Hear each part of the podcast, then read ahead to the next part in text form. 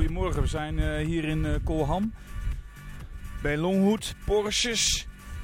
Ehm, we gaan een podcastje opnemen voor uh, Snijder en Meijencafé. Maar zoals je al verwacht, Snijder is weer te laat.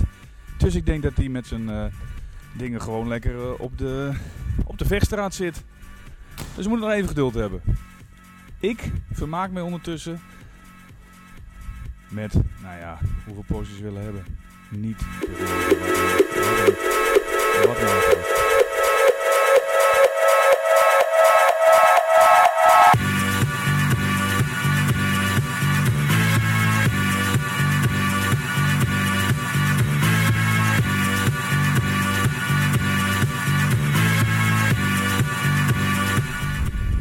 Ja, goedemorgen. Ja, dit kon je niet vinden, denk ik, hè? Dit kon je niet vinden. Een keer wat anders dan de Vechtstraat, of niet? Daar zijn we beland, joh. Dit is Kolham. Dit is vlakbij mijn woonplaats uh, vroeger, een jaar geleden. Dit, dit is in the middle of nowhere. Ja, en dan moet je even binnenkomen kijken zo. Je moet even, je moet eigenlijk even beschrijven. Ja, we moeten, wij moeten vloggen of zo. We moeten beeld. Moeten we dat erbij doen? Dus, nee, uh, ja, dat kan ons wel schelen, joh. Snijder. Nu niet bij Josephiens, maar nu bij uh, Snijder en. Waar, waar, waar zijn we? Waar zijn we? Kijk eens even hier, een bedrijventerrein.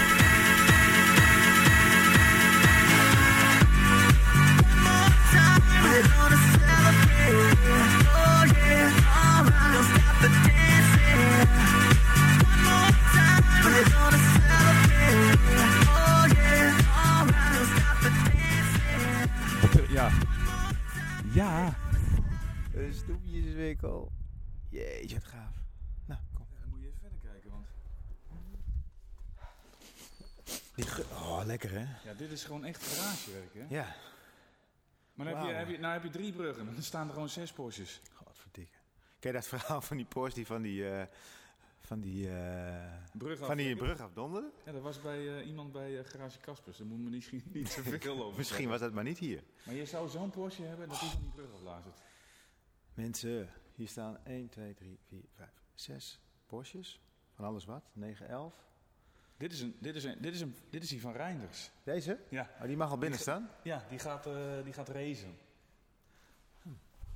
Oh ja. Moet je kijken, er zit helemaal niks in. Er zit één stoel, één stoel zit erin. Maar hij gaat Eén. Deze, gaat hij racen? Hier, dit is een racebak. Meen je niet? Met een paarse deurklink. Ja. en sliks. En dan heb je zo'n auto en dan zijn die banden zo versleten. dat kan toch niet? Dat kan toch helemaal niet. Hij krijgt zo op de winterbanden. Maar moet je, moet je eens even komen kijken. Dit is, de, dit is de eigenaar. Dit is gewoon echt de eigenaar. Oh, je bent al begonnen. Nee, nee, ja, een beetje half-half. Oh, oké. Een beetje half-half. Beetje intro, hè? Maar moet je even moet je die deur doorgaan. En dan moet je even een, een vijf meter rechts kijken. Het houdt, het houdt niet op. Dit, dit kan zo de, de Bondfilms in. Ja, dat kunnen we, ja. Wat is dit dan? Wauw. Uniek. Uniek. Ja, en dit, zes weken geleden... Loop maar even meesnijden. Zes weken geleden... Was het, was het dat? Het is misschien ook wel een adresje voor Josephine. Met haar eh, mini. Maar dat vertel ik nog wel. Maar we lopen hier nu even, we zijn een beetje aan het, eh, aan het rondkijken hier. Dit is een, ja, een totaal gestripte Porsche. Ja, dit is... eh, die hebben ze uit het moeras getrokken. Ja, zo ziet het eruit. Maar Ja. dat, dat bouwen ze dus helemaal weer op. Ongelooflijk. Nou, daar gaan we zo meteen alles over horen, toch? We gaan eens koffie doen. Dacht ik. One more time, music's got me feeling so free. We're gonna celebrate, celebrate and dance so free. One more time, music's got me feeling so free. We're gonna celebrate, celebrate and dance so free. One more time, music's got me feeling so free. Goedemorgen, beste luisteraars. Daar zitten we weer. Niet zoals jij net wel zat, eh, Snijder, op de Vechtstraat weer. Maar we zitten in Kolham. Kolham, Danny. Ja, of all places. Waar, waar ligt dat? Kolham, eh, dit ligt helemaal niet zo ver van, eh, van Haren. Als je het water overgaat en dan ehm, twee keer eh, linksaf, dan ben je er al. En dan zie je eerst allemaal voormalige scheepswerven. Ja. En dan kom je ineens bij het echte werk. Maar dat was voor mij ook nog wel even lastig zoeken, want ik kwam hier aanrijden ik denk ja. En plots zag ik weer wat oranjes. Je triggert op het oranje, hè? Ja, ja. Dan moet je even vertellen waar we zitten en waarom we hier zitten. En... Nou, dat, eh, we doen altijd eh, leuke dingen natuurlijk met eh Snijder en Café. En we reden in de Caspers Rally mee natuurlijk, de- vorige editie. Ehm, en dan google je eens wat en dan ben je lid van Porsche Instagram. En op een gegeven moment zag ik een hele mooie 911 oranje. Een oranje Porsche. En die stuurde ik naar jou toe. En daar ging een dag overheen en toen dacht ik van, hé, hey, wat zag ik daar nou echt Colham staan? En toen ben ik er eens in gaan verdiepen. En toen kwam ik bij dit prachtige bedrijf uit, Danny. Toen dacht ik eerst van, nou, daar, daar gaan we gewoon even onze Snijder en Mij Café opnemen. En dan zeg ik nog even niks. Nee. Maar maandagochtend, dinsdagochtend, ik weet het niet. Toen dacht ik van, nee, ik moet het ook gewoon vertellen aan hem. Want anders zit je in spanning waar Nee, we jij- heen gaan. ik vroeg waar, eh, want jij zet dan in mijn agenda, ja, eh, vroeg naar bed, want eh, morgen moet je weer Ja. shinen in die podcast ja, van mij. ja, En, ehm, en eh, ik, eh, je hoort nog wel waar we moeten zitten. Ja. Dan moesten we naar Colham. Ik zei, Ja, Colham, Colham. Hoe moet je dat doen? Hoe, hoe moet je dat doen? En toen stuurde jij een linkje van Longhood. Ja. En dan kijk je op de website. Nou, iedereen die dit luistert moet echt nu gelijk op Longhood gaan googlen. Ja. Colham. Ja, en dan, ja, dan zie je het eigenlijk al. Want dit is iets heel bijzonders. De Maar dan dacht ik eerst nog van, ik weet niet, dat, dat, dat zal wel weer... Buitenkant zal wel weer mooier zijn dan binnen. En dan kom je waarschijnlijk in een of andere oude garage en er staat één oude Porsche. Dat klopt ook. Ja, maar... nou ja, en dan kom je hier en mijn, mijn mond staat nog steeds verkrampt van die bek die open viel. Ja. Het is echt niet normaal. Nou, wat ik gaaf vind is dat we nu... we hebben hier om negen uur eh, afgesproken. het is en meestal... één uur 's middags. Het is nu onderhand één uur 's middags en we zijn nog niet begonnen met die podcast. Maar eh, we zijn nu eindelijk gestart. Nee, ik zei ook van laten we even snel even dat vol lullen en weer verder gaan. Want Ja. ehm, dit, Ja. is, dit, is echt, dit is echt niet normaal wat je hier, wat je hier ziet. Als je van, eh, van Porsche houdt, van oude Porsches houdt, weet je niet wat je ziet. Maar vertel er zo nog meer over. Ik moest de krant halen. Je moest de krant halen. E- Even een beetje nieuws. eh, kijken of er wat is. heen hoor, want ehm Het, we het grappige... ergens anders over hebben. Ja, maar het grappige van het hele verhaal is natuurlijk wel dat ehm, wij zijn dit begonnen in de COVID. Ja, omdat, we niks, omdat we niks te doen hadden. Ja, nou, zo, En toen en- was die COVID afgelopen. ja, dat dachten we. Daar hebben we afgesloten. maar volgens mij denkt de regering er nu weer een beetje weer anders over, of niet? Maar er is eigenlijk wel helemaal niks veranderd. Die, die corona is nog precies hetzelfde. Ja. Eh, we hebben nog steeds geen kabinet. Ik heb nog steeds mijn 924. Nog steeds. Ja, alles, alles is bij het, bij het oude. Dus eh, Laten we meedoen aan de Caspers Rally. Ja. Dan zetten we die Porsche 924 mooi in beeld. En dan is die binnen een week verkocht. ja. Koen belde van de week. Van wat gaan we met dat ding doen? Ja? Nog. Of hij gaat buiten staan.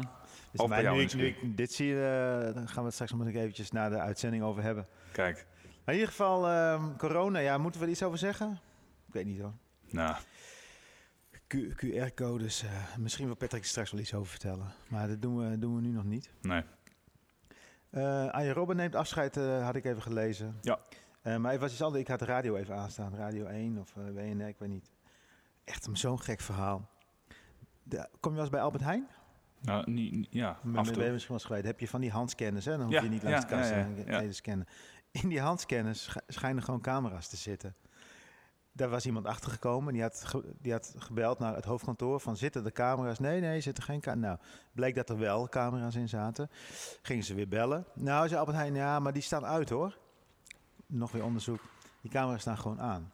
Maar Wat is de functie van die? Ja, wat ze nu gaan doen is dat ze willen steeds meer van jou als klant weten. Ze Oké. willen natuurlijk gewoon meer verkopen.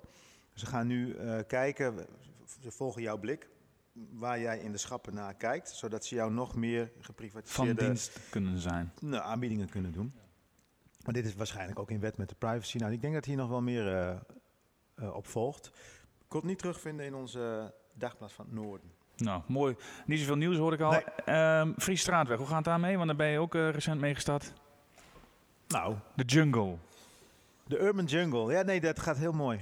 Het, het grappige is dat eh, in de coronatijd, eh, nee voor de corona hadden we al, we al heel lang uitbreidingsplannen. Omdat eh, we eigenlijk te weinig behandelkamertjes hadden op de Vechtstraat en de Munnikenholm.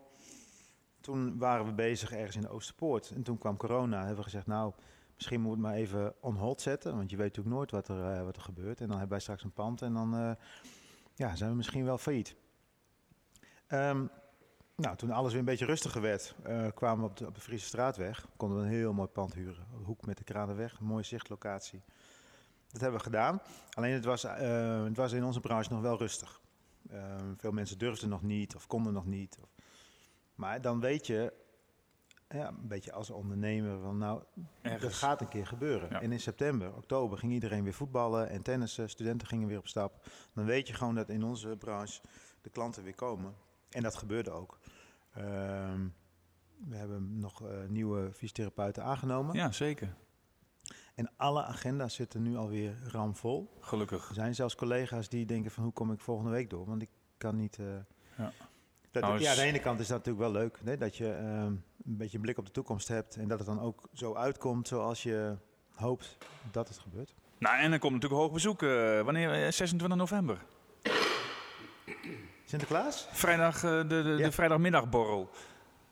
Lennart. Nee, Lennart is van de Stockroom. Die komt cocktails maken. Lekker eh, bij ons op de, op de zaak. Dat is altijd goed, denk ik. Hè? Hey, Nou, dat gaat allemaal goed. dat gaat allemaal goed. Heb je nog leuke dingen gedaan deze week? Ik heb geschaatst. Is die ook alweer open? Kaddingen. Afgelopen winter. Met Demi. Afgelopen winter, ehm, en we, toen vroeg het zo hard, lag het Paasvolse meer dicht. Ja. Een eh, Demi en nog een aantal die waarvan ik schaatsen. Demi, ga je mij schaatsen? Ja, is goed. Ik met Demi over het meer. Nou, Demi kan aardig schaatsen, maar ik kan het ook nog wel. Ik heb vroeger veel gedaan. En toen zei ze, van, nou, als de kanning open gaat, dan gaan we schaatsen. Dus eh, hebben we gedaan. Nou, Demi ehm, kan slecht overkomen. Hoe bedoel je Eh, dat? Ja, Demi zet haar schaats neer Ah, en dan moet hij naar buiten. zo en dan maak je zo'n mooie... Demi zet de poot naar binnen Ja. en dat trekt ze heel slecht. Dat is echt heel grappig. ja? Heb- Is, is er beeld van? Nee, er is nog geen beeld van, maar het is hilarisch. Dan zeg ik tegen haar, eh, Demi, je, je zet je voet niet. Nee, nee, dat weet ik, dat weet ik. Ja, en ik heb al heel veel geprobeerd, en, eh, maar ik wil het. En dan komt, dan komt de hele fanatieke Demi. eh, komt, Kom eh, naar boven toe. Ja, dus we gaan nu als een malle gaan we dat oefenen filmpje zoeken. En, Ja, het zal wel even duren, denk ik. Maar het is een niet. Friesin, toch? Of niet? Nee, Ja. niet.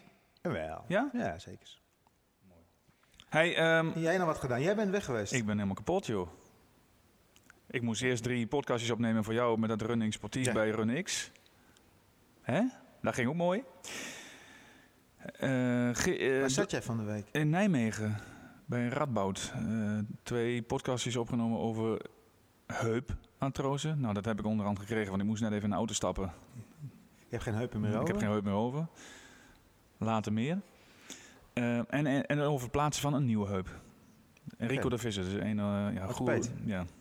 Heupen sportief. Eh, hier zit misschien wel de Porsche-expert waar we nu zitten. En dit is dan de heup-expert. Maar goed, dan, dus ik heb genoeg geluld deze week. Ehm, ik denk dat het tijd wordt tijd wordt voor, onze... Ja, hebben een, een hoofdgast, een, een, een host, een, die ons hier... de gastheer. Gastheer, ja. Marcel. Kun jij jezelf kort voorstellen? Nou, ik ben Marcel. Mag je Ik iets ben, dichter op de... Op de eh, dit is, eh, eh, nee, ik ben dus Marcel en ik ben eigenaar van Longhoods. ja. En jij, eh, wij, wij, kwamen, wij hebben elkaar getroffen in... eh, ja, wij reden achter jou, denk ik. Hè? Strak achter jou, een metertje erachter. Tijdens de Caspers Rally. Ja, dat, jullie hadden wat problemen met de route, begreep ik. Is dat zo? Nou, dat is goed. Dan, wa- dan, dan was dat het. Ja. Uiteindelijk zijn we in Eelde gekomen, toch? Ja. En eh, tegenover mij eh, Patrick Reiners. Kun jij jezelf even voorstellen? Ja, met Jan de Vries. Ja, daar was ik al bang voor. Hij is wel vriend van Mag de ik show, eigenlijk denk wat ik. zeggen nu, jongens? Ja. Ik wil de hele tijd eh, iets ertussendoor zeggen, maar Ja. ik denk, ik hou me in. Dat moet je gewoon doen. Oh, oké. Ja, ik, ben, ik, ik mocht weer komen. Dankjewel, jongens. Ja. Heel gezellig. In welke hoedanigheid zitten wij hier eigenlijk, Danny?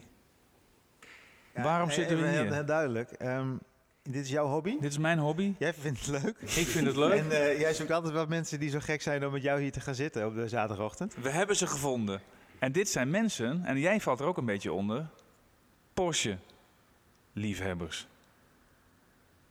Ehm, ja, Ja, toch of niet? ja ik, ik ben wel een liefhebber. Als je hier binnenkomt, dan zie je, die, dit is... Dit is Dit is, wel, dit is wel de, hoe noem je dat, de outer league. Is echt wel ehm, de bovenklasse. En ja, jij kent mijn motto. Als ik maar een leuke dag Als jij heb een leuke gehad. dag hebt, nou, ja. ik kan je verzekeren, volgens mij Marcel, heb jij elke, elke dag heb jij een leuke dag als je hier werkt, of niet? Sowieso. Hoe is, kun je eens vertellen hoe dit begonnen is hier? Ehm, want Colham, Mhm. Porsche, En dan Ja. dit aantreffen, dit is, ik vind het echt briljant. Nou, het zijn eigenlijk twee activiteiten die naast elkaar liepen. Eén van mij en één van drie eh, andere hobbyisten eigenlijk. En eh, ik had een, zeg maar, een handel in eh, Porsche plaatwerk, met name de klassieke Porsches. En naast mij zat een bedrijf van drie eigenaren die eigenlijk hobbymatig Porsches hadden. En die deden circuitdagen en dat soort dingen, maar ook onderhoud aan de eigen Porsches. En daar hadden ze iemand voor aangenomen en die werkte hier gewoon. En ehm, eigenlijk werd het vrij snel vanuit hobby eh, nou ja, werken. En dat, eh, dat was niet helemaal de bedoeling. Dus toen hebben ze het mij aangeboden. En eh, toen heb ik Longhoods zeg maar, gekoppeld aan eh, Restoration Design Europe. En toen hebben we eigenlijk twee activiteiten eh, eh, onder één dak eigenlijk Gecombineerd. gecombineerd. Wat ja. is jouw eh, achtergrond? Met Nou, auto's of Nou, automonteur? dat- of, eh, nee, nee. Ik ben eigenlijk gewoon, eh, eh, ja, hoe noem je dat? Autodidact misschien. Vanuit hobby begonnen. Hè, zelf restaureren. En dan, ja, als je een beetje denkt in exploded views, dan ben je zomaar een specialist, zeg maar. Maar toen je hier zat naast die drie andere mannen, toen was jij gewoon in een garage bezig? Of je was... Nee, ik had eigenlijk gewoon een opslag voor onderdelen. En wij kregen onderdelen binnen, die verkocht ik dan en die verpakte ik opnieuw. hè, ofwel Maar hoe rol je daar nou in? Hoe, hoe komt zoiets? Nou, omdat je, ik had zelf een auto gekocht en eh, die eh, was ik aan het restaureren. En toen zocht ik goede, kwali- of kwalitatief goede onderdelen. En eh, toen had ik iets generieks gekocht van een ander aftermarket merk uit Denemarken. En dat paste niet goed. En toen ben ik gaan zoeken naar een alternatief. En dat kon ik eigenlijk slecht krijgen in Nederland. Er zat wel een eh, importeur in België en een soort halve importeur in Nederland, maar die hadden niks op voorraad. En eh, ik had een eh, bouwgerelateerd bedrijf op dat moment, maar dat ging heel slecht toen, hè, met die bankencrisis toen. En toen dacht ik van nou, ik, ik schrijf gewoon een plan van hoe ik zie hoe we deze onderdelen in Europa kunnen verkopen. En die heb ik opgestuurd of gemaild. En toen kwam de eigenaar van het Canadese bedrijf eh, een week later eh, langs. En toen ben ik twee weken met hem door Europa gereisd. En toen eh, heb ik een eerste order geplaatst. En dat was ik eigenlijk binnen een week weer kwijt. en eh, zo is het eigenlijk begonnen. Ja, eigenlijk van het een in het ander geworden. Ja, eigenlijk ja, precies. Ja. Even misschien voor de, voor de leken.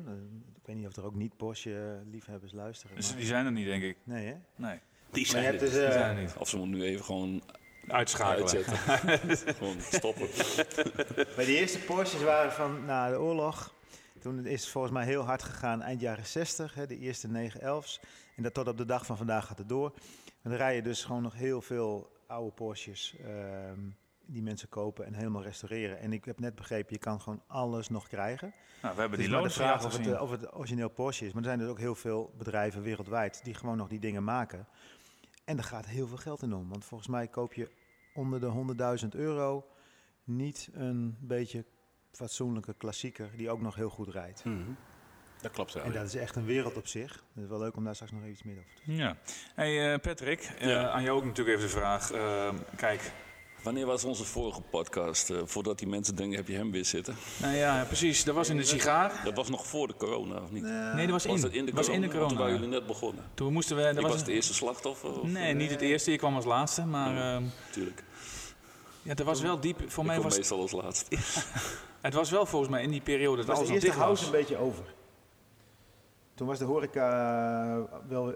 Nee, was niet Weet ik open. niet. Was Nee, het gesloten. zat dicht, ja, klopt. Ja. En buiten mocht je wel zitten. Ja. Daar hadden we nog over Doppio terras, volgens mij Ja, een sigaar. maar we hadden nog geen idee echt wat Waar er op het ons af zou komen. Nee. Maar ook niet dat, het, dat we er nog steeds in zouden Dat, dat, zitten. het nu- we dachten toen nog van zo'n Ondanks. jaartje, drie kwart jaar, dan zijn Dan is er een vaccin en dan is het klaar.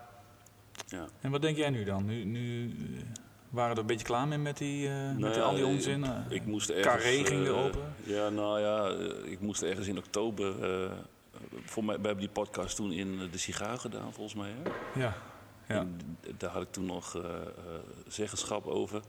Een aantal horecazaken. En toen hebben we gezegd van... eh, nou, gaan we hier nog heel lang mee door of gaan we het anders doen? Dus dat hebben we ook allemaal afscheid van genomen. Ehm, ja, we hebben een hele zware tijd gehad, ja. ja. Zowel in de horeca als in het uitzendbureau wat ik heb, als in het schoonmaakbedrijf. Waar we heel veel evenementen schoonmaak doen. Voetbalstadions, eh, theaters, Ja, maar dat is, dat is ook in één keer stil. Dat Ja. stond allemaal stil. Eh, en toen waren we waarschijnlijk al wel aan het reorganiseren. Dat hebben we flink door moeten zetten. Op alle niveaus. Hè. eh, zes directieleden, twee eruit. eh 12, 13 hoge kader, middensmanagement eruit. Ik denk 500, 600 schoonmakers die stil stonden. Van de 3.000, 4.000. Ja, bizar, bizarre tijd. En, en je, kunt, je kon nooit meer dan twee weken van te- eh, zeg maar vooruit kijken of zo. omdat die persconferentie, die, die zou weer iets... Nou ja, omdat je gewoon niet precies wist waar je aan toe Nee. was en waar het heen zou gaan. Nou ja, en toen kwam het hele vaccinatie eh, eh, gebeuren. En, en dan tot aan het moment waar we nu in zitten. En het is allemaal open gegaan. Heel veel klanten gelukkig weer teruggekomen of bij ons gebleven in een soort minimale afname. En dan nu weer vol, full pool open, zeg maar. ADE was eigenlijk de eerste grote test weer in Mhm. Amsterdam. De Amsterdam Dance Event. Dat we echt vier dagen vol moesten knallen daar dat ook de organisaties zelf dachten van, ja, wat gebeurt hier eigenlijk allemaal? Het is eigenlijk weer net zoals dat het vroeger, Vroeger was. ja. En ze waren ook allemaal bang dat alles niet goed zou gaan. Hè? In- zowel in horeca als in eh, podium opbouwen, licht, geluid eh, en schoonmaken, wat wij er dan na die tijd doen.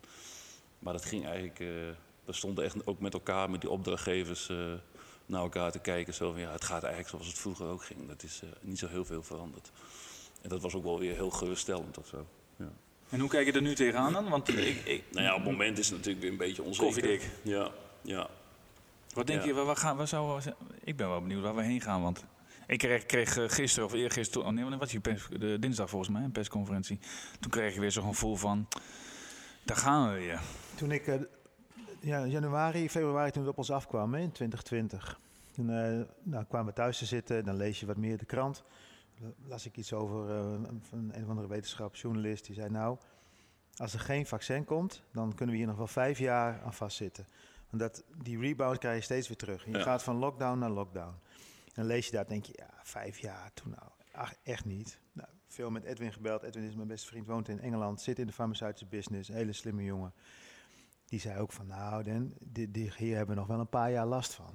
Naïef als je dan bent, denk je, ach, weet je, het zal zo'n vaart niet lopen. Nee. Nou, we hebben een vaccin. We hebben 85% van de mensen gevaccineerd. En je ziet wat er eh, gebeurt. Dus ik, ik denk ook dat dit... ehm, dit is ook volgend jaar nog niet helemaal weg. We gaan er wel steeds beter mee eh, om. Maar nou, dit is niet op een dag over. Dat Nee. geloof ik niet. En het verschilt ook heel erg per land. Ik was vorige week nog in, in Frankrijk, Zuid-Frankrijk, voor een paar dagen. En, en daar moet je alles nog met mondkapjes doen. En je wordt veel beter gecontroleerd. En, eh, dus dat, daar is het eigenlijk een beetje zo waar wij waarschijnlijk vanaf zaterdag weer wat meer naartoe gaan. Hey, Grappig zou, is, is, grappig is dat je, je ziet onze volksaard. Ik ben in Spanje geweest twee weken geleden. Nou, ook daar gaat het, ook qua mondkapjes, maar het gaat allemaal wel anders.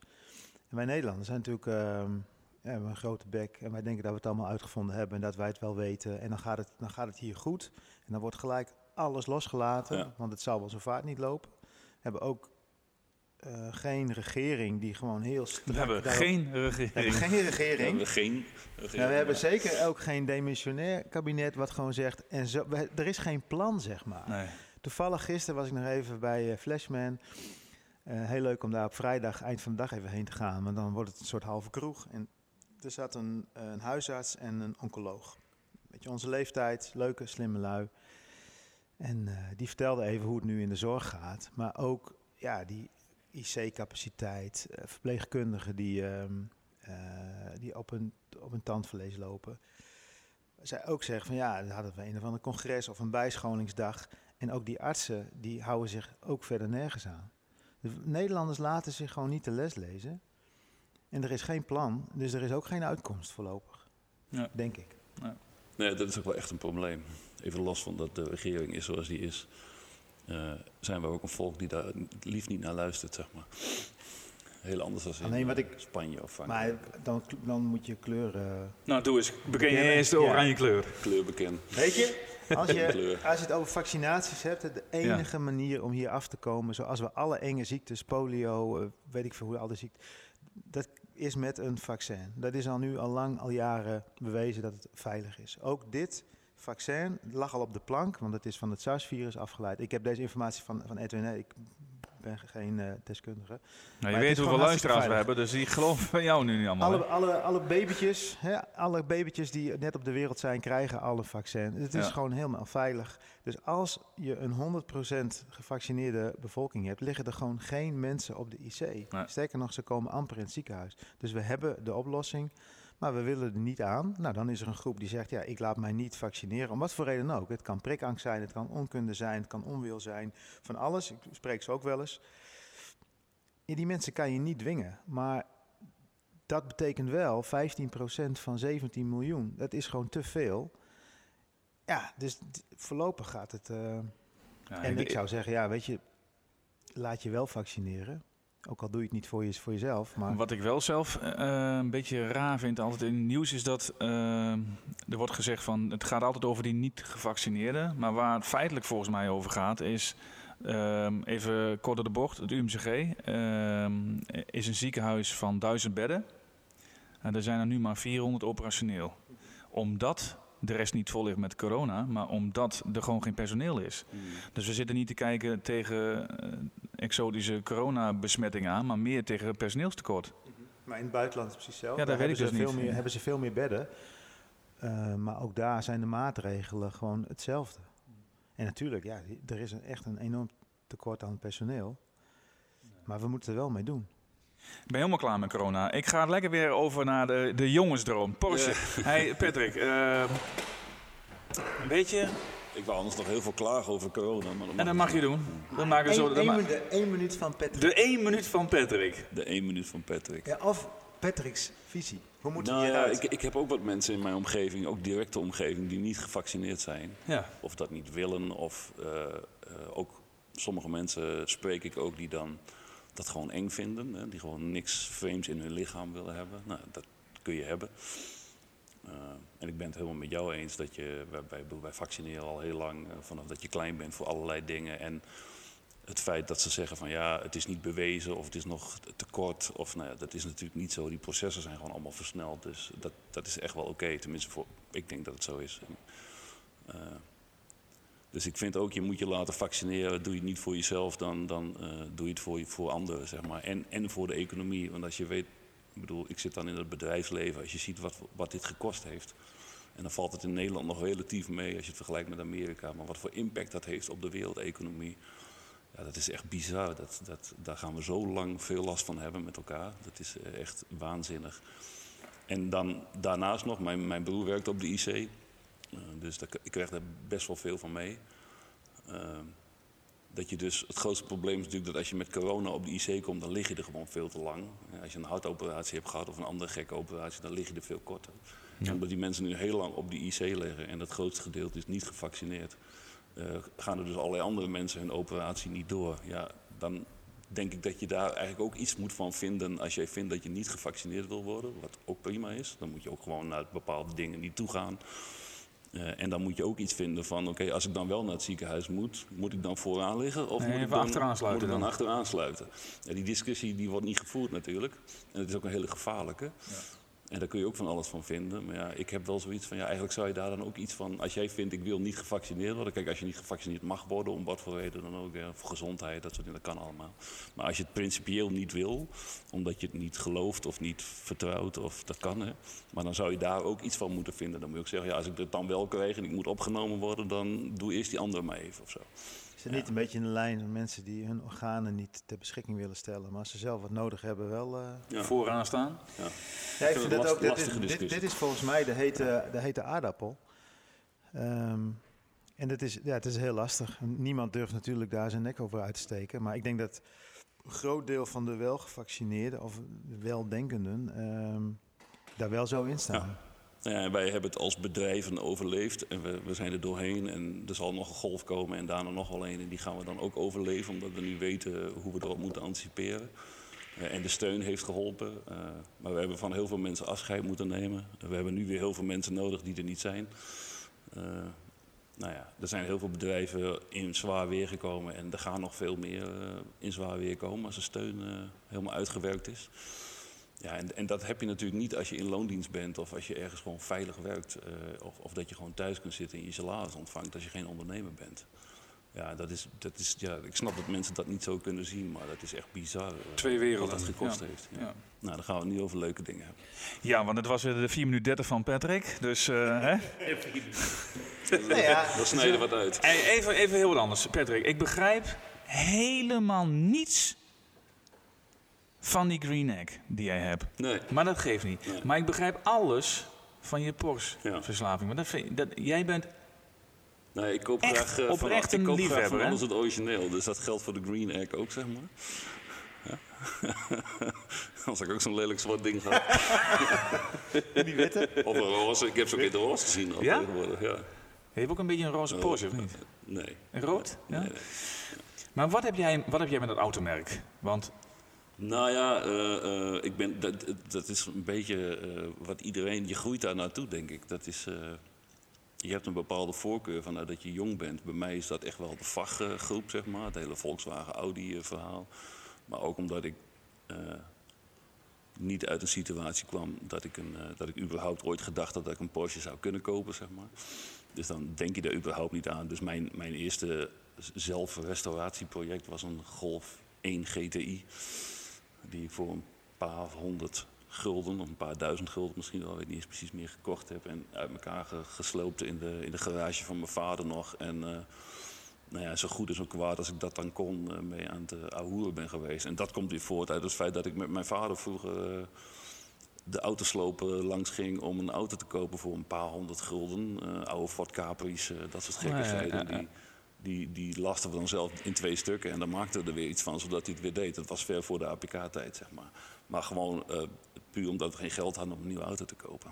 Niet eens een... eh, niet zo'n hele nieuwe, niet zeg maar. Dus het was eigenlijk altijd een hele oude waar we dan nog iets van probeerden te maken. Maar dat was noodzaak. Maar wel heel veel liefde voor auto's. Dus we gingen naar beurzen en eh, auto's kijken. Ik weet nog dat ik heel klein was dat er een autobeurs in de Martini-hal was. En er stond een 2002 Turbo. Nou, ik had nog nooit zoiets moois gezien, zeg maar. En mijn vader is echt een BMW-man. En, eh, nou, ik ging meer vanuit mijn jonge jaar naar de vachtkant, zeg maar. Volkswagen. En later, eh, toen ik een bedrijf had en wat geld ging verdienen, ging ik een Audi kopen. Omdat dat gewoon iets beter rijdt eh, voor de lange afstanden. Maar wel altijd geïnteresseerd geraakt in, in Porsches. Vooral ook om, door het merk. En als ik dan met mijn vader langs die oude autodealers ging, dan stonden daar. eh, ik weet dat ik nog ooit in Leek was bij. eh, hoe heet die? eh, die ja, die, Hofman? ja, die ja, oude, oude ook klassiekers, hè? Ja, precies. Ja. Daar, daar, ging, daar ging ik met mijn vader heen om naar een auto te kijken. Die, we die- zeker geen Porsche, maar daar stonden dan eh, een hele rij van die 911 T's eh, uit de 60, 70 jaren. Die stonden daar gewoon. En daar vroegen ze, wat ik me nog kan herinneren, iets van 16.000 gulden voor of zo in die tijd. Ja. En dat vonden we echt waanzinnig Veel geld, ja, ja, ja. En dat was het ook. Alleen ja, had er maar 10 gekocht. Nu, ja. Ja. achteraf is Ja. alles makkelijker, hè, zeggen ze dan. Maar goed, eh, eh, dat, was, dat is wel een beetje het begin van de fascinatie. En eh, ik ben zelf heel erg autosport eh, liefhebber, dus echt racesport. en ik heb wel gemerkt dat een automerk moet voor mij een historie hebben. En, een, en, een, en, met na- en het liefst een racehistorie, zeg maar. Dus ik was laatst op, op de afgelopen zondag was er zo'n supercar madness op, eh, op Assen. Met ook allemaal raceklassen, heet dat zo trouwens? Supercar? Nee, nou, iets, iets met veel te Ja, dure de Henkoek auto's. finale races. Ah, heb ik gezien volgens mij. Allerlei, alle, ja, alle dure Ja. auto's. eh, de- Precies, er was ook een meeting van eh, supercars Ja. en hypercars en zo. En daar stonden ook allemaal eh, Pagani's, heet die dingen zo? Pagani heet die dingen volgens mij. En Lamborghinis en nou, dat heeft nog wel iets van historie. Maar hele dure auto's.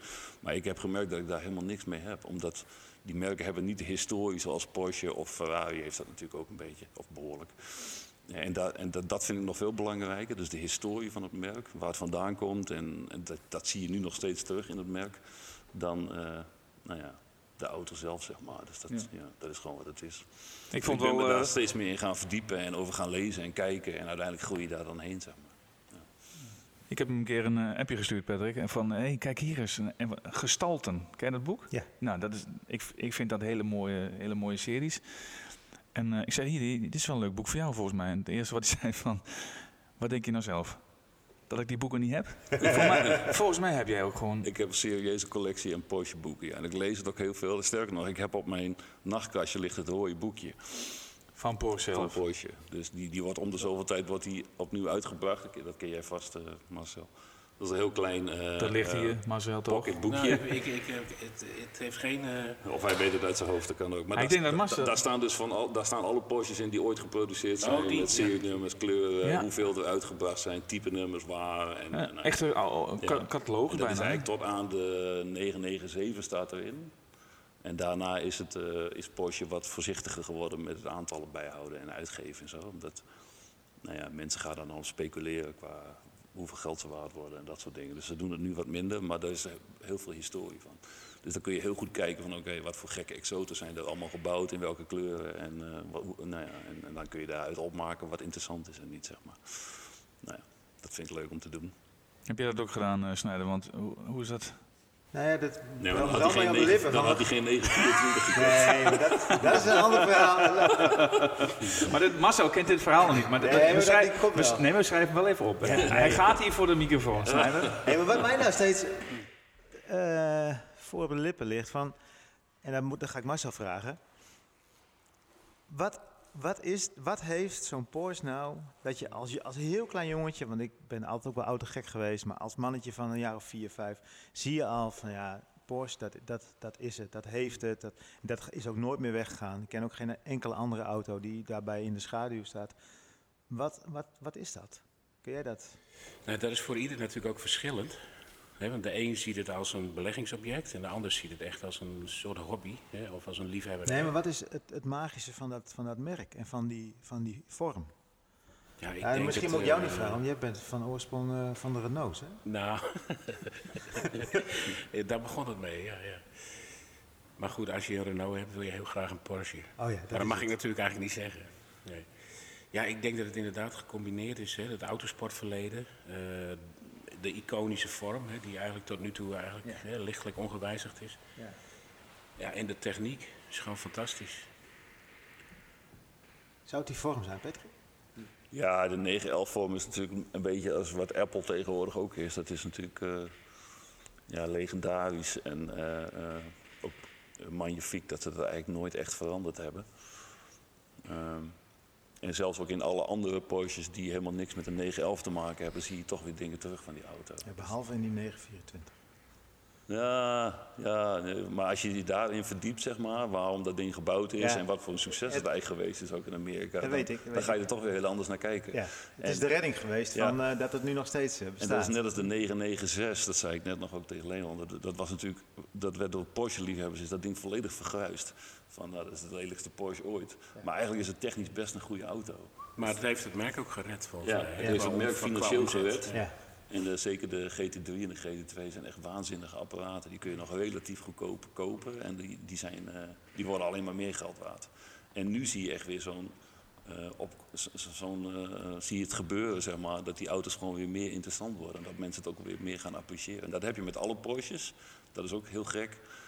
Dat, zoals de, de, de, de SC, hè, de G50, eh, eh, die echt de jaren 80, 911, zeg maar, die in die bekende jaren 80 films ook allemaal voorkomen. Die, die vond ik zelf altijd heel lelijk met die plastic impact bumpers erop, zeg maar. Ik heb ook heel lang gedacht van, nou, zo'n Porsche wil ik nooit hebben. Ik wil gewoon een 964 hebben. Ja, dat is misschien allemaal gedetailleerd of zo voor mensen die luisteren. Nee. Denken, waar heeft die gast het over? Kan, kan niet gedetailleerd zijn. Maar eh, nu zijn die dingen opeens weer heel erg mooi. Hier staat er ook een in de garage, die groene. Daar op de, ja. en dan denk je van ja, je, uiteindelijk eh, overleeft het de tand des tijds. En eh, in tegenstelling tot ons allemaal. En wordt het uiteindelijk gewoon weer een mooie auto. Ja. Ja, ik, ik, ja, ik ben er helemaal verliefd op, dus het is heel lastig om. eh, Wat ik niet helemaal voor helder voor de geest heb, is... eh, ehm, Zo'n zo'n 911 is eigenlijk een platgeslagen kever, volgens mij. Da daar zit een... Nou, eigenlijk is een 356, hè, zoals die zwarte die je ziet, Ja. dat is eigenlijk een platgeslagen kever. Ja, maar zo is het begonnen. Zo is het begonnen. Maar ja. Porsche is onafhankelijk van Volkswagen toch ooit begonnen? Of is dat, is dat niet zo? Eh, nou, ik moet he- heel eerlijk bekennen, ik weet niet precies hoe dat begonnen is. Maar ik denk niet dat dat... Hij maakte toch eerst tractoren? Ja, Maar was hij niet gewoon ook in dienst van Volkswagen? Ik weet het niet. We, we zoeken dat, zoek- dat zoeken. Nou, ik heb, eh, ik heb natuurlijk dat boek eh gestalten. Want ik, ik, gisteren, ik probeer altijd goed mogelijk voor te bereiden. Oké, oké.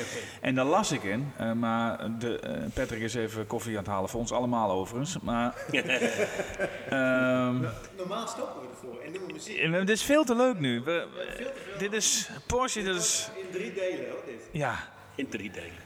Maar ik las in dat boek dat ehm, het wel begonnen is met de kever, de, de, de, de Volkswagen kever. En dat dat uiteindelijk, inderdaad wat Danny zegt, eh, niet platgeslagen, maar dat dat, dat uiteindelijk een broer ergens van eh, is begonnen met, eh, met Porsches. En volgens mij die trekkers van Porsche, dat is een heel ander verhaal volgens mij. Dat, dat zit daar parallel aan, maar daar weet jij natuurlijk helemaal niks van. Nee, ik, ik weet het niet zo goed. Nee. Wat ik wel weet is dat van de 356 de techniek heel erg overeenkomt met, met dat van een kever. Ja, Het enige verschil is, is een kever heeft een los chassis hè, met, een, eh, met, een, met een carrosserie erop. Ja. En een, eh, een Porsche 356 is eigenlijk al een zelfdragend eh carrosserietje. ja. Maar de wielophanging en de wijze waarop dat in de auto gelast zit, zeg maar, is eigenlijk identiek aan een soort van identiek aan een kever. Hè? Even als de versnellingsbaktechniek en de motor. Duidelijk. En, Maar dat is toch zo'n bekende uitspraak van Pierre, dat hij gezegd heeft van ja, ik kon geen raceauto vinden die ik mooi genoeg of goed genoeg vond, toen ben ik hem zelf maar gaan bouwen. ja. Zoiets was het volgens mij. Is het, is het, is het eh, gerelateerd aan de kever? Want dat las ik namelijk wel in het boek gisteren. Maar Ja. jij weet er natuurlijk alles van. Dus Die, die Volkswagen is natuurlijk gewoon gebouwd in opdracht De van Herbie. eh, vriend Adolf volgens mij. en, eh, en daar is het al mee begonnen, ja. ja. ja. En volgens mij zijn ze van daaruit inderdaad sportwagens gaan ontwikkelen. Gewoon ook vanuit liefde voor de racerij. En dat hij niet... Dat hij gewoon niet een sportauto had eh, waar hij dan zelf in wil of kon rijden of zo. En dan had hij een ander merk moeten kiezen. ja. Ja.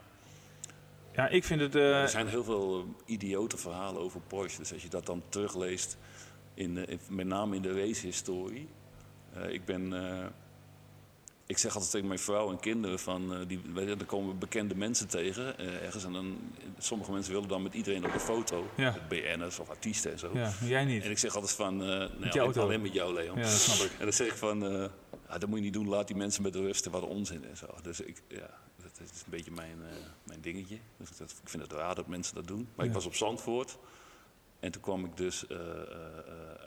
ik was, zeg maar... de race was, was de race al begonnen? Nee, voor mij was de race nog niet begonnen. Nou, toen kwam ik dus eh, de, de allerbekendste Porsche-coureur tegen die we ooit gehad hebben. Hoe heet die, Marcel? Van Linnen. Gijs van die- hij weet het. Nou, die kent iedereen natuurlijk. Alleen heel veel mensen zien hem. Hij is wel wat meer in het nieuws omdat ze bij de Formule 1 hem af en toe uitnodigen.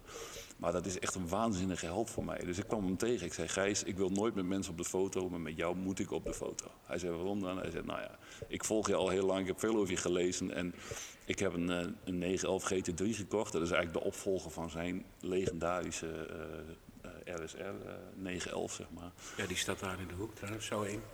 Ja. Die Gijs daar- komt daar er in de bij. staat. Het staat er gewoon hier. Alleen Ja, hij, hij, heeft dan, hij heeft dan de laatste eh, eh, Targa Florio, dat is een, een van de meest legendarische rallies op Sicilië. Een, een baan van ongeveer vijf- 33 of 35 kilometer door allemaal oude dorpjes heen, kleine dorpjes heen. En levensgevaarlijk, want die gasten reden echt vol gasten doorheen. En hij heeft de laatste daarvan gewonnen met die Porsche. En die Porsche is toen verdwenen. Die is ergens. eh, raceauto's worden vaak verkocht hè, voor, voor relatief weinig geld. Eh, en toen is hij de hele tijd uit beeld geweest. Hebben ze hem volgens mij in Mexico ergens weer teruggevonden in de schuur. Een Engelsman heeft hem toen gekocht en weer eh, op goed niveau gebracht. En hij is eh, een paar jaar geleden geveild voor 10 miljoen. Dus dat is wat hij nu waard is. Nou, ik denk dat je hem toen voor 70.000 gulden had kunnen kopen. Dus dan was je niet klaar geweest. Nog een En, paar eh, wijndruiven achter en de er staat, er, sta- er, staat een, er staat een filmpje op YouTube van een paar jaar geleden dat hij dus weer met die auto, dus dan brengt die Engelsman brengt hem naar Sicilië toe. En dan mag hij in die, of die, eigenaar vindt het natuurlijk ook fantastisch dat hij dus dat- diezelfde baan weer gaat rijden, want hij ligt er bijna nog helemaal op een klein stukje na. Dus ik zeg tegen Gijs, ik wil eigenlijk mijn GT3 verschepen naar eh, eh, Sicilië met een paar gasten en dan gaan we die route weer rijden. Want die oude pitstraat staat er nog en er staan wat oude museumpjes en zo, dat is waanzinnig mooi. En, en daar ging hij dus helemaal, hij ging helemaal los. Hè. Hij ging helemaal vertellen, ja, dan moet je hier langs en daar langs en deze bocht en dit stukje kun je niet meer langs. En dat is echt bizar, die man is zo fanatiek. En toen heb ik dus met hem in de paddock gezeten, op een datascherm kijken naar de Formule 1. eh, uurtje Jee. lang. Ja, was voor mij echt kippenvel. Dan, dan slaap je drie dagen. Ja, bizar. Ja. Ik hoor dat we zometeen naar... eh, wanneer, is- wanneer gaat het spelen, eh, Patrick? Wat? Die, die race die je gaat Nou, doen. ik ben een aantal mensen aan Maar dat ga jij eh, doen? Ik ben een aantal mensen aan het mobiliseren die zeggen, van, laten we dat met z'n allen gaan doen. Ja, dus het gaat wel gebeuren. En Mazda moet ook mee, denk ik. Want ja, die, ja, er gaat wel eens wat stuk. ik denk dat wij ook sowieso eh, daar die podcast op moeten nemen. Hey, over stuk gaan, hè? want gaan, ik wil even wat verhalen van Marcel. Ja. Wat hij dus doet, hij kan hier gewoon, eigenlijk als het zou moeten, ma- maakt hij gewoon zelf zijn eigen Porsches. Nou, dat Hij hebben we net gezien. Alles liggen, ja. alles, alles, alles. Hij komt met hele grappige verhalen. Het mooiste wat ik net hoorde was, stond een of andere oude Porsche, ik weet niet wat het was, maar die eh, had een beetje een ingedeukt dak. Die Die- had een, eh, het bloembakverhaal. had even een bloembak gekopt. En toen kwam het verhaal, eh, maar misschien moet Marcel het gewoon zelf vertellen. Er was een, meisje kreeg van haar vader een Porsche. Ja, die ging studeren, die kreeg een auto.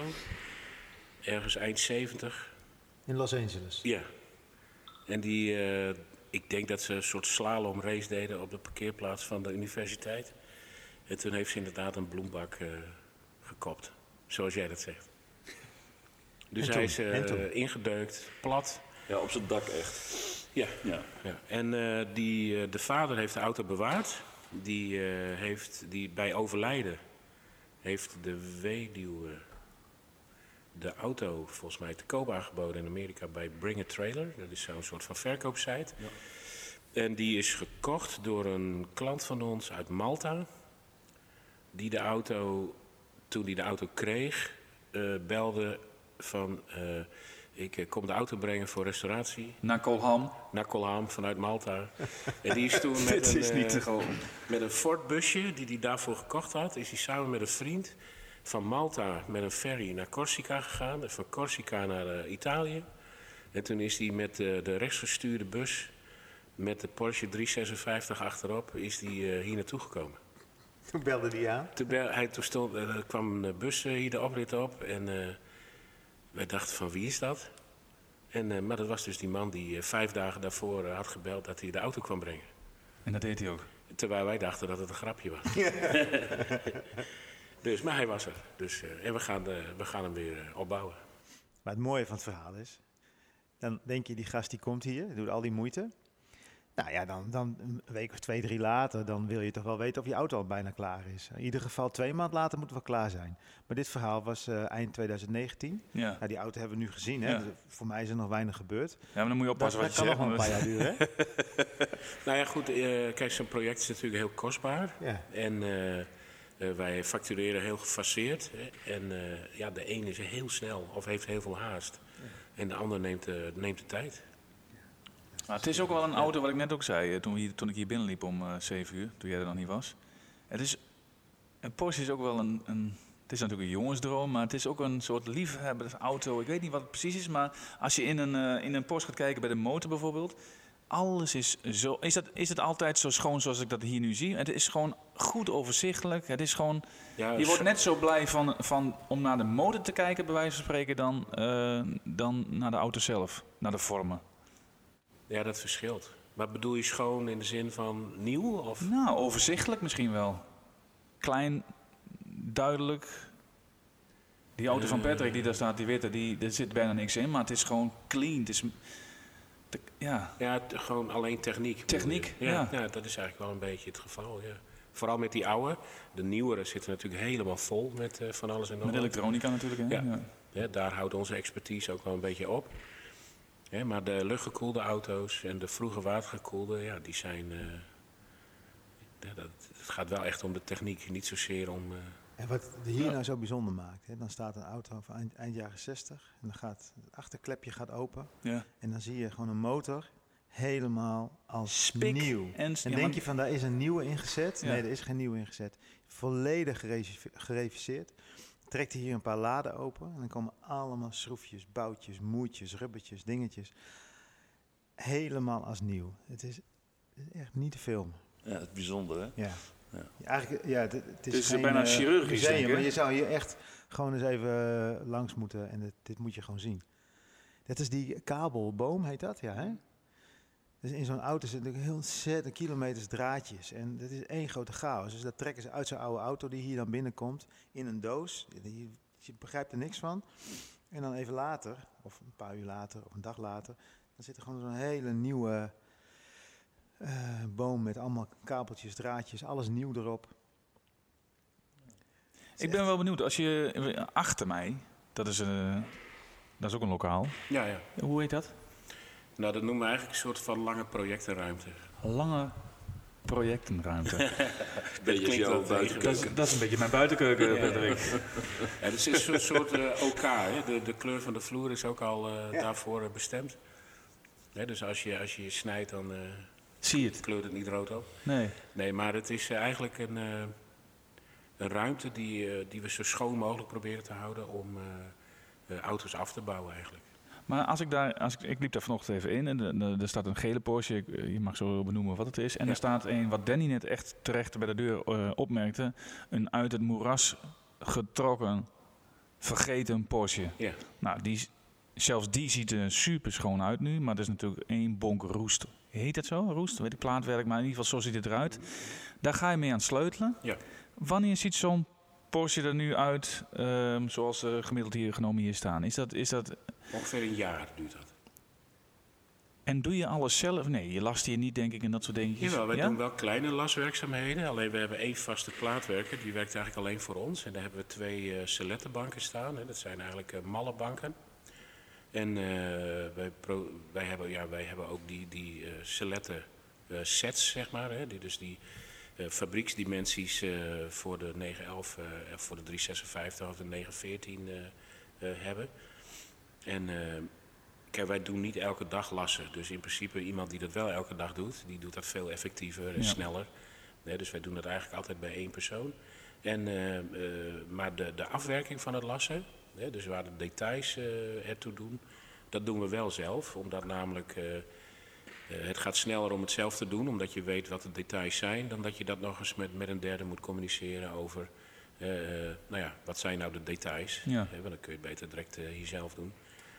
Ja, dus, maar in grote lijnen doen we het laswerk niet zelf. Nee, ik kan ik me ook voorstellen. Want als, als ik hier binnenkom, denk ik van ja, dus, dit is gewoon een. Dit is bijna een OK-ruimte, zo schoon. En dan ga je niet in staan lassen of poetsen. Of, nou, poetsen misschien wel, maar niet eh, schuren of, of, of dat soort dingetjes. Dus dat, dat, Ik vind- het echt, mag ik wat zeggen? Ja. wil je nou weer? Nee, maar jullie twee zijn heel enthousiast en wordt heel rustig. Ja. En jullie Ja, denken ja. ook van, kom op nou gast, doe dan een beetje enthousiast. maar komt het- ja, hij is natuurlijk gewend. En, eh, Ja. ik bedoel, het is zijn bedrijf. Ik had dat zelf ook. Want, nou ja, ik, ik kan niet eens, eh, ik bedoel, dan moet nog een paar uur zitten. Nee, maar ik zie jouw voet steeds heen en weer gaan. Dus het is een beetje, jij wil Nee, ook gewoon wat ik- dingen zeggen. Als ik zou moeten vertellen wat ik, wat ik van Porsche vind en hoe lang ik daar al mee bezig ben, zeg maar, Ja. eh, oud en nieuw, ja, dat is echt bizar. En ik weet echt veel van Porsche. Dat komt natuurlijk ook door internet, dat je alles kunt opzoeken en volgen. Dus dat is iets wat ik eh, heel veel doe. Tot met oordopjes in, zodat niemand mij eh, lastig kan vallen. En dan ben ik allemaal dingen aan het uitzoeken, aan het kijken. Wat mis is gegaan met de Green Egg, maar dan kom je de Porsche Precies, opgepakt. en dan kom je Ja. steeds weer historie tegen dat je denkt van oké, dus dat wist ik ook nog niet. Maar daardoor, omdat ik ook ergens het idee heb van ik wil ook, ik rijd dan nu in een wat nieuwere Porsche en een Porsche om te racen hebben we dan net samen gekocht, zal ik zo nog wat vertellen. Maar ik heb ook echt zo'n droom altijd dat ik nog een oude Porsche zelf wilde restaureren. Ja. Of, nou ja, inmiddels, eh, daar heb je gewoon iemand bij nodig, dat kun je niet zelf. Ja, daar moet je heel veel tijd hebben. Sorry. Maar, eh, dus dat zit altijd in je kop, zeg maar. Dus dan ben je ook op internet aan het zoeken van, oké, wie kunnen dat dan heel goed? En eh, wie zijn daar expert in? En, en waar, waar zijn bedrijven die dat heel goed doen? Hè? En dan hebben natuurlijk de, de exoten als de, de, hoe heet die dingen? De Zingers. Zingers. Die kosten inmiddels een paar miljoen, volgens mij. Die zijn ook ooit... Nou, van, vanaf 8 ton inmiddels volgens mij. Ja. Tot, dat, dat, maar dat was ook ooit een paar ton of een ton. eh, en die- zijn dan heel populair geworden. En, eh, dus dat is volledig onbetaalbaar geworden. Maar je wil wel eh, zeg maar het niveau van dat het echt heel goed wordt. Dus dan ga je zoeken en dan zie je op, in Amerika zie je een aantal gasten die echt heel goed motorrevisie doen. Voor, want het is best knap om uit zo'n oude motor wat meer vermogen te halen. Zeg maar. Dan moet je echt wel weten wat je doet. In Duitsland heb je een paar partijen die dat goed kunnen. En ik, ik ken al die partijen ken ik redelijk goed. Ik volg dat allemaal wel, ook van restauratie en van eh, motorrevisie. En dan, ik ken dat hele Longhood. in motherfucking Kolham kende ik echt niet. En dat is 10 minuten Ja. van waar wij wonen vandaan, Ja. zeg maar. Dit kan Ja, eigenlijk. dat dit is kan bizar. niet? Dus ik snap, ik snap jullie verbazing en jullie, eh, dat je denkt van enthousiasme, dat je denkt van hoe dan? En eh, dat, dat, ik bedoel, ik ben hier nu drie, vier keer geweest, denk ik, hè, Marcel. Dus ik ben er iets, een beetje aan gewend, zeg maar. Maar het is echt bizar, ja. Dat is, ik snap jullie enthousiasme. En dat je denkt van, Marcel, heb je wel, Hier- enig- heb je wel een idee wat je hier eigenlijk Nou, hebt staan? zeg maar? Marcel die krijgt het volgende week heel druk. Er zijn, er zijn gasten die zouden hiervoor naar Zuid-Duitsland rijden. Als ze uitgenodigd zouden worden Ja. om in zo'n tent. En dit zit gewoon in Kolham. Ik denk dat wij hier volgende week zaterdag gewoon weer zijn, eh, Danny. Want dan moeten we rondleidingen regelen voor, voor Marcel hier. Ja, ik zit, ik zit al, hè, ik zit al te aan van hoe. Weet je, ik heb nog wel een beetje tijd over. Mag, ik- mag ik gewoon niet één dag in de week auto's poetsen hier? Ja. Of eh, kan, kan ik wat doen? Maar dat heb ik ook al gezegd tegen Marcel. want Ik doe al mijn bedrijven weg en dan kom ik hier werken. Ik Ja. heb een baan voor hem. Ik kan dat niet, maar goed. eh, Nee, maar je ik kunt kan, het wel Ik kan, leren. helemaal, ik kan niks, maar ik wil wel. Maar wat je net zegt, Patrick, dat, ik, ik ben het met je eens. Als je dan die, eh, die uit het moeras getrokken Porsche ziet. En eh, ik zie me dat ook gewoon voor je. Dat je daar tekeningen aan de wand hebt en dat je er rustig mee aan het sleutelen gaat. Totdat het moment dat hij helemaal gespoten is en dat hij start en dat hij loopt. En dat jij dat embleem er even opzet op die motorkap van Porsche. Dat hij dan gewoon hè, een soort van Af is. af. ja. Ja, dat is, dat is genieten. Het is zo gek, die, die hier staat. Dit is een, Marcel? De 356A van eh 59. Uit 1959. Dat staat hier Dat is jouw bouwjaar, Danny. Mag er een strik omheen? En eh, ja, dat ziet ja, het ziet er prachtig uit. Het is eigenlijk inderdaad een platgeslagen kever. Maar dan vraag je Master van, hoe, hoe rijdt dit? Nou, gewoon, rijdt gewoon niet, hè? Je, je kan erin rijden, maar eh, wat, wat gebeurt er als je ingehaald wordt eh, door een vrachtwagen? Dan, eh, Nee, maar ik denk dat Ja, wij... moet je je goed vasthouden. Ja, maar wij zijn toch gewoon verziekt met al die luxe die we nu we hebben. zijn vreselijk verwend. Ja, maar dit is toch gewoon, dit is, dit is toch beleving. Dit is toch, hier maar rij je dit door Sicilië, door de wijnvelden heen.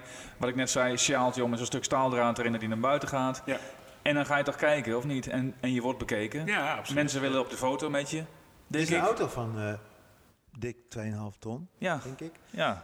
Maar dit is, dit is gewoon eigenlijk net als kunst. Dit is gewoon een soort schilderij die gewoon heel veel waarde heeft. En eh, daar wordt ook enorm eh, in gehandeld, hè? Ja. Gehandeld, het is niet het goede woord, denk ik. Maar. Er wordt ook wel in gehandeld, ja. ja. Nou, voor Dat mij, als je één keer zo'n zo, auto hebt, dan is het gewoon, eh, dan moet iedereen met de poten afblijven. Het zijn Dat is- net dat is zijn net Nee, bitcoin. dat denk ik dus er wel niet. meer aan. Nee, ja. ja. Waardevaster, denk ik. Maar dat verschilt ook per eigenaar. Hè. De, de ene eigenaar die koopt iets omdat hij eh, iets met zijn geld wil doen. Ja, Hè, en dat gewoon even veilig ergens wil parkeren. Nou, dat doet hij dan in een auto. letterlijk en figuurlijk. Ja.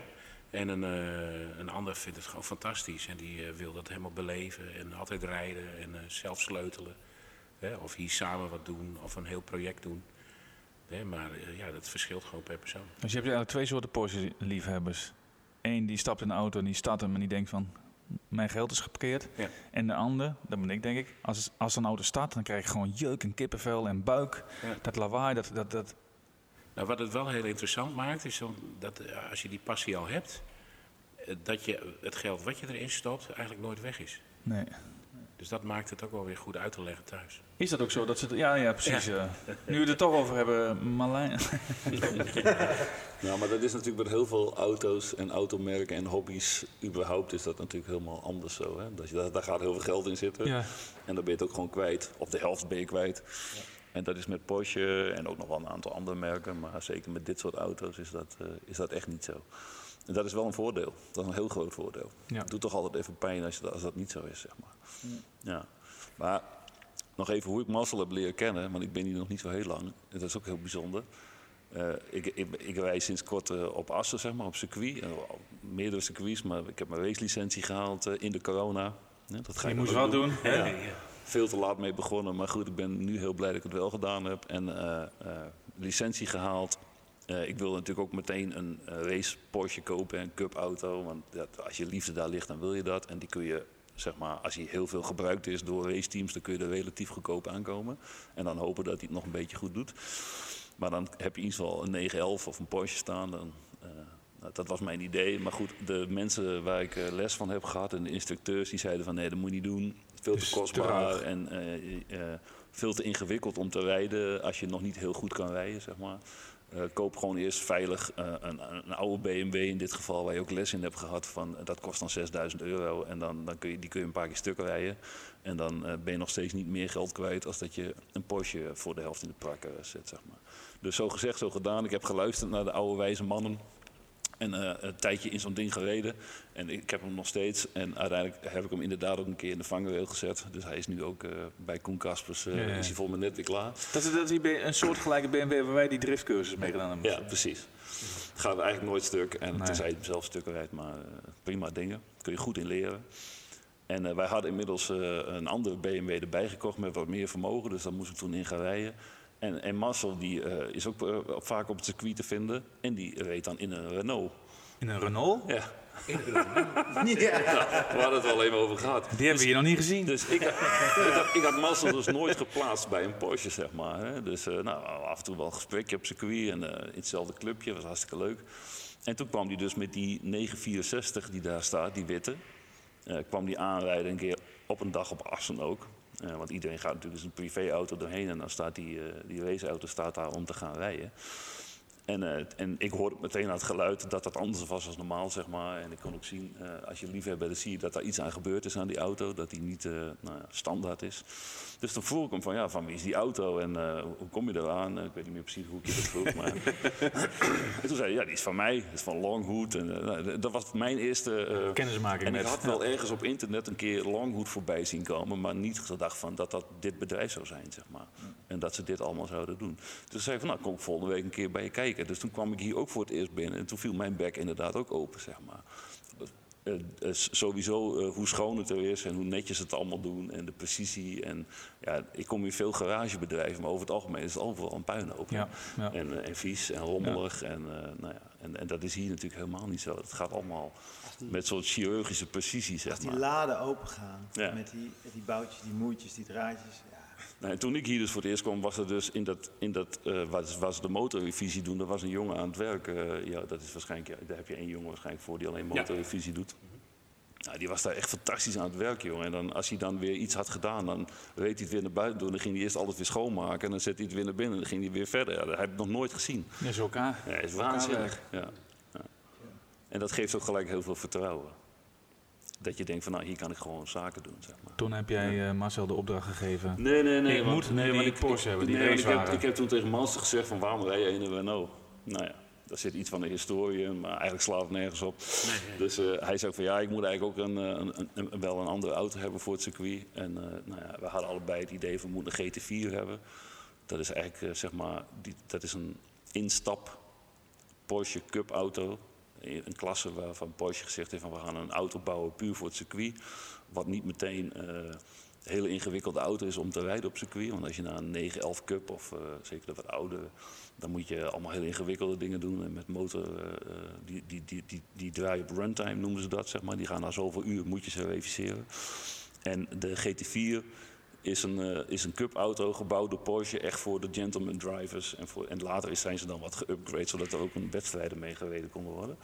Maar de motor en de bak zeg maar, is eigenlijk gewoon dezelfde als in de GT4 als je hem gewoon voor op de weg koopt. En die, die rijdt op kilometers en dat betekent dus ook dat je er veel minder onderhoud aan hebt. In principe kun je het helemaal zelf doen.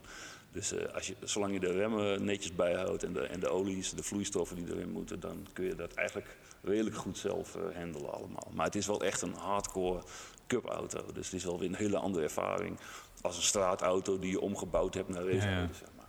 Nou ja, en die zijn inmiddels sinds 2016 worden die dingen gebouwd. Er zijn inmiddels wat upgrade, nieuwere versies van gekomen, 718, dat is de opvolger. En die zijn nog steeds heel erg duur, hè, want dat varieert dan tot maximaal 220.000 euro, dat is heel veel geld. Maar de, eerste series uit 2016, 17, 18, waar heel veel lange afstandsraces mee gereden worden op de Nürburgring. En eh, zelfs in Le Mans rijden die dingen volgens mij ook in 24 uur. Dus het is echt voor, voor degelijke lange afstand Eh, die koop je nu voor, voor 60, 70, 80.000 euro. En dan is hij echt nog helemaal goed, want dan is hij bij een raceteam in onderhoud geweest. Dan is altijd goed. En dan kun je hem redelijk veilig kopen, zeg maar. Als je er één aan kan komen. Dat is heel moeilijk. Dus ik, ik zocht al vrij lang naar zo'n ding. Veel mensen gevraagd van, kun je zo'n ding voor mij krijgen? Zoekopdrachtje. En Marcel, die, eh, die, dat is echt een bizarre freak in dingen vinden, zeg maar. Dat zal hij vanuit zijn werk hebben. Ja, hij doet heel bescheiden, maar weet je, hij had binnen, binnen een week had hij vijf van die dingen op de... Op de Stonden op de stoep hier, uit Malta. nee, niet, op, niet op de stoep, maar wel, Een deuk in dak. wel in de pijplijn. Zo van, eh, oké, hier staat één te koop en ik heb daar contact gehad. Ik heb die gebeld, ik heb die gebeld en hier is dus. En dan hadden we opeens allemaal opties. Terwijl ik al best lang bezig ben om zo'n ding te vinden. En eh, ze zijn of veel te duur, of eh, omdat ze nog te nieuw zijn.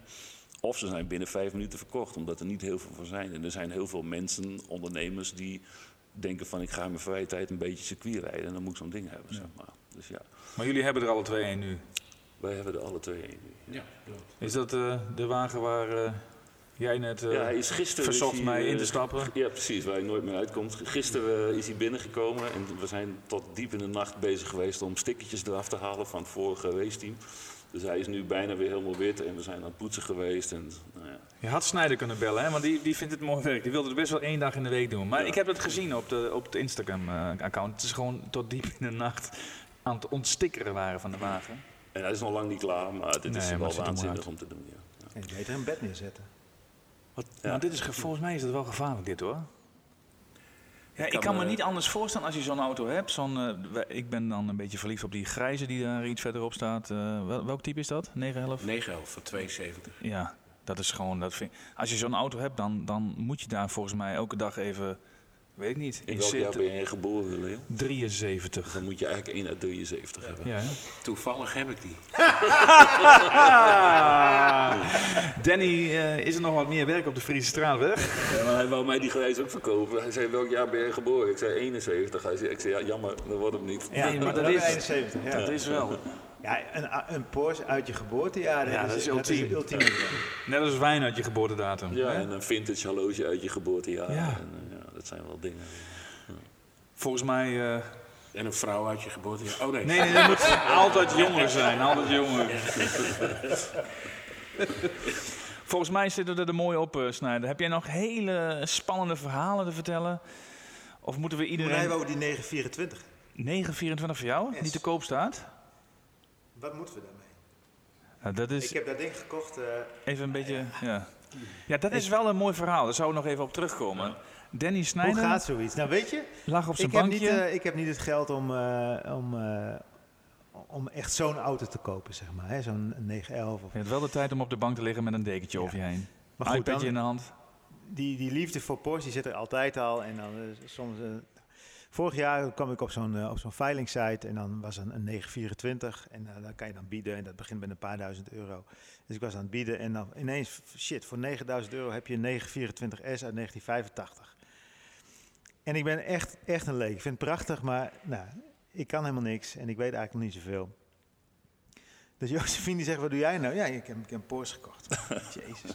Dat ding stond in Emmeloord. Dit was trouwens nadat we bij de sigaar geweest Ja, waren. ik, ik heb dat verhaal al... Ja, dit verhaal dat, ken je. dat spookte toen ook al Ja. een beetje rond, ja.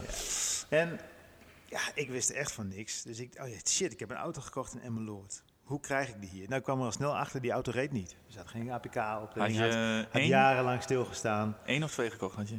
Ja, ik had, het, ik had twee in de veiling gewonnen, ook zo'n 914. Maar dat bod was te laag, dus dat ging niet door. Gelukkig man, dat ik twee van die dingen gehad.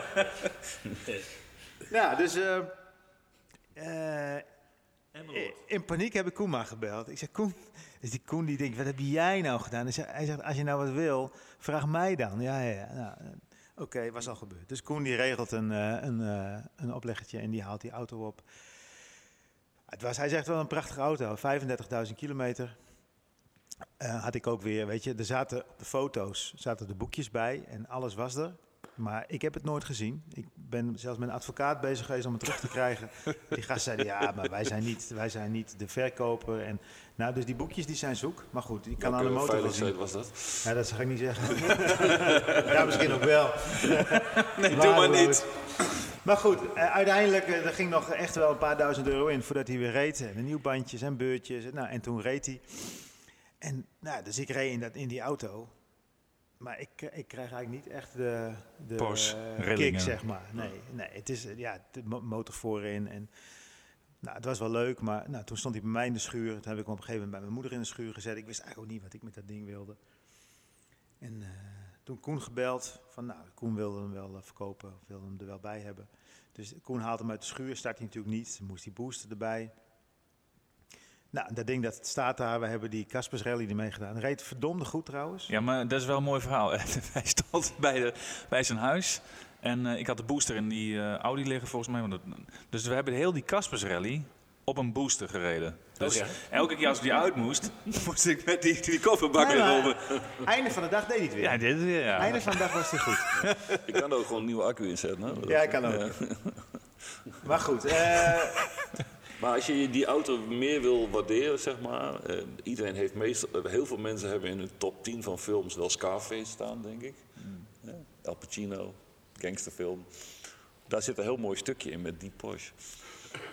Dat hij dus een nieuwe Porsche gaat kopen. En dat is precies in de tijd dat die serie 85. auto's dus geïntroduceerd heel, worden. als je, Ja. de- ik zag laatst een Nederlandse film, De Lift. Ja. Een hele slechte film. Echt, echt slechte film. Ja. Maar ook daar komen een paar van die 924's in voor. Nou, kijk, als ik een schuur Je wil had, zoals, jij, gewoon- zoals jij een schuur hebt. Nee, hè, ik heb, schuur. dat zit ik net te vertellen. Ik heb die schuur nog niet. Oh. Maar Die man had die ik hem moet bij jou in de eerst- schuur gezet. Wat zeg je? Anders had ik hem bij jou Ja. in de schuur gezet. Dat kan. Maar het grappige is, het is een Porsche, maar ja, da- da- daar is totaal geen animo voor. Die dingen zijn onverkoopbaar. Ja. Dan kijk jij, Kijk, kijk, Danny Marcel. kijkt nu heel vragend Marcel aan of hij niet iets voor hem kan betekenen. Mag die auto hier misschien staan? Nee joh, ben gek. Ja, wij, wij verkopen eigenlijk geen auto's. Alleen per ongeluk. dus. Ja, Hè, en ik denk dat Koen daar wel de aangewezen persoon voor is. ja. Nou, Koen, Ja, doe je best. gaat wel een keer gebeuren. Ik vond het eh, gezellig. Ik, eh, eh, mijn voeten tintelen. Wij, wij zijn hier nog lang niet weg. Nee, wij moeten nog even een beetje rond gaan snuffelen. En nog eh, een beetje rondkijken met de Porsches, denk ik. Hè? Ik, wil, ik wil gewoon eh, dat, eh, dat eh, Patrick die auto even staat. Ik wil dat het geluid nu wel zo horen. Doet hij het wel trouwens of niet? Ja, hij doet het zeker. Hij doet ja. het. Maar jullie moeten je vooral ook echt verdiepen in de, in de race-historie van Porsche. Dat zijn echt waanzinnige verhalen. Dat Ja. is, eh, mag ik er nog één vertellen? Ja. Ik zei laatst tegen mijn vader, waarom heet ik geen Jozef? Daar ben ik geen Jozef. Toen Of zei hij- Ferdinand? Toen zei hij van, waar heb jij het over? Ik zeg, ik ben geboren op 24 oktober 1971. En op 24 oktober 1971 heeft Jozef Sievert, de allermeest iconische, belangrijkste internationale Porsche-coureur eh, ooit, is op die dag heeft hij zichzelf doodgereden op Branch Hatch. Helemaal uitgefikt. Dus je zoekt die beelden maar op internet, weet je wat je ziet. En als je dan die historie terugkijkt van die man, dat is echt bizar. Dus het is, het is een Zwitser, hij is geboren in Vrijburg. Dus eh, 24 oktober van dit jaar, want ik ben 50 geworden dit jaar, hè, vreselijk. Maar Nou, het is hè? zo. Op diezelfde dag was er dus ook een herdenkingsmoment in Vrijburg voor, voor Jozef Sievert. En ging ook zijn oude auto, waar hij Le Mans mee gewonnen heeft. De Porsche 917, een van de meest le- legendarische Porsches die... eh, nee, dat is hem niet volgens mij, maar hij lijkt er wel op. Eh, Waar ook Gijs van Lennep in mee heeft gewonnen. Samen met dokter Helmut Marko, de huidige baas van Max Verstappen. En Die hebben samen Le Mans gewonnen in de 917, in 71 en in 76 met Jackie X. En met het afscheid van Jackie X en Stewart volgens mij ging eh, Joseph Sievert, want die was eigenlijk al gestopt met racen voor dat seizoen. En hij zou eigenlijk niet meer verder, want hij had eigenlijk alles al gewonnen wat hij kon winnen. Eh, ging hij nog die afscheidsrace rijden met diezelfde auto, met die 917. Toen vloog hij dus in de brand. En die 917-auto's, waar ook Gijs van Lennep, en daarom is het zo'n held... die heeft zeg maar tot aan een paar jaar geleden nog het snelheidsrecord op Le Mans gehad... van 400 km per uur plus. Dat is echt bizar. En de allersnelste tijd ook in de ronde. 400 kilometer. Ja, in de jaren 70 al. Hè? En die auto's die waren dus helemaal van magnesiumframe gebouwd. En dat had Porsche, dat is heel brandbaar. Dus als zo'n auto in de fik vloog, dat, daar kon je gewoon niet uitkomen, was je gewoon dood. En er gingen natuurlijk heel veel gasten dood per jaar in, in, die, in de racerij, toen met name in de Formule 1 en in Le Mans. Maar Porsche had dat ook gewoon niet aan die mensen verteld, dat het van magnesium gebouwd was. Daar kwamen ze pas veel later achter. Anders had iedereen wel gezegd van, is dat wel veilig? Is dat wel handig? Het was super licht, met heel veel vermogen en het ging super hard, zeg maar. Maar het is waan... Het is ook zei tegen mijn vader, waarom heet ik geen Jozef? Ja, Ja, hij snapte er niks van, maar dit was het verhaal, zeg maar. Ik denk dat het... eh, ik... Hè? Snijder en mij eh, café eh, racegeschiedenis. Kunnen we niet wekelijks hier de podcast opnemen? Kunnen we best... mensen uit de autowereld laten We gaan, komen. eh, we gaan lekker afsluiten, eh, Snijder. En dan gaan we het even vragen of we niet toch nog een keer hier even mogen komen. Ook al is het een heel ander onderwerp dan Porsche. Mensen, bedankt voor het luisteren. En eh, tot een volgende keer. Hoi.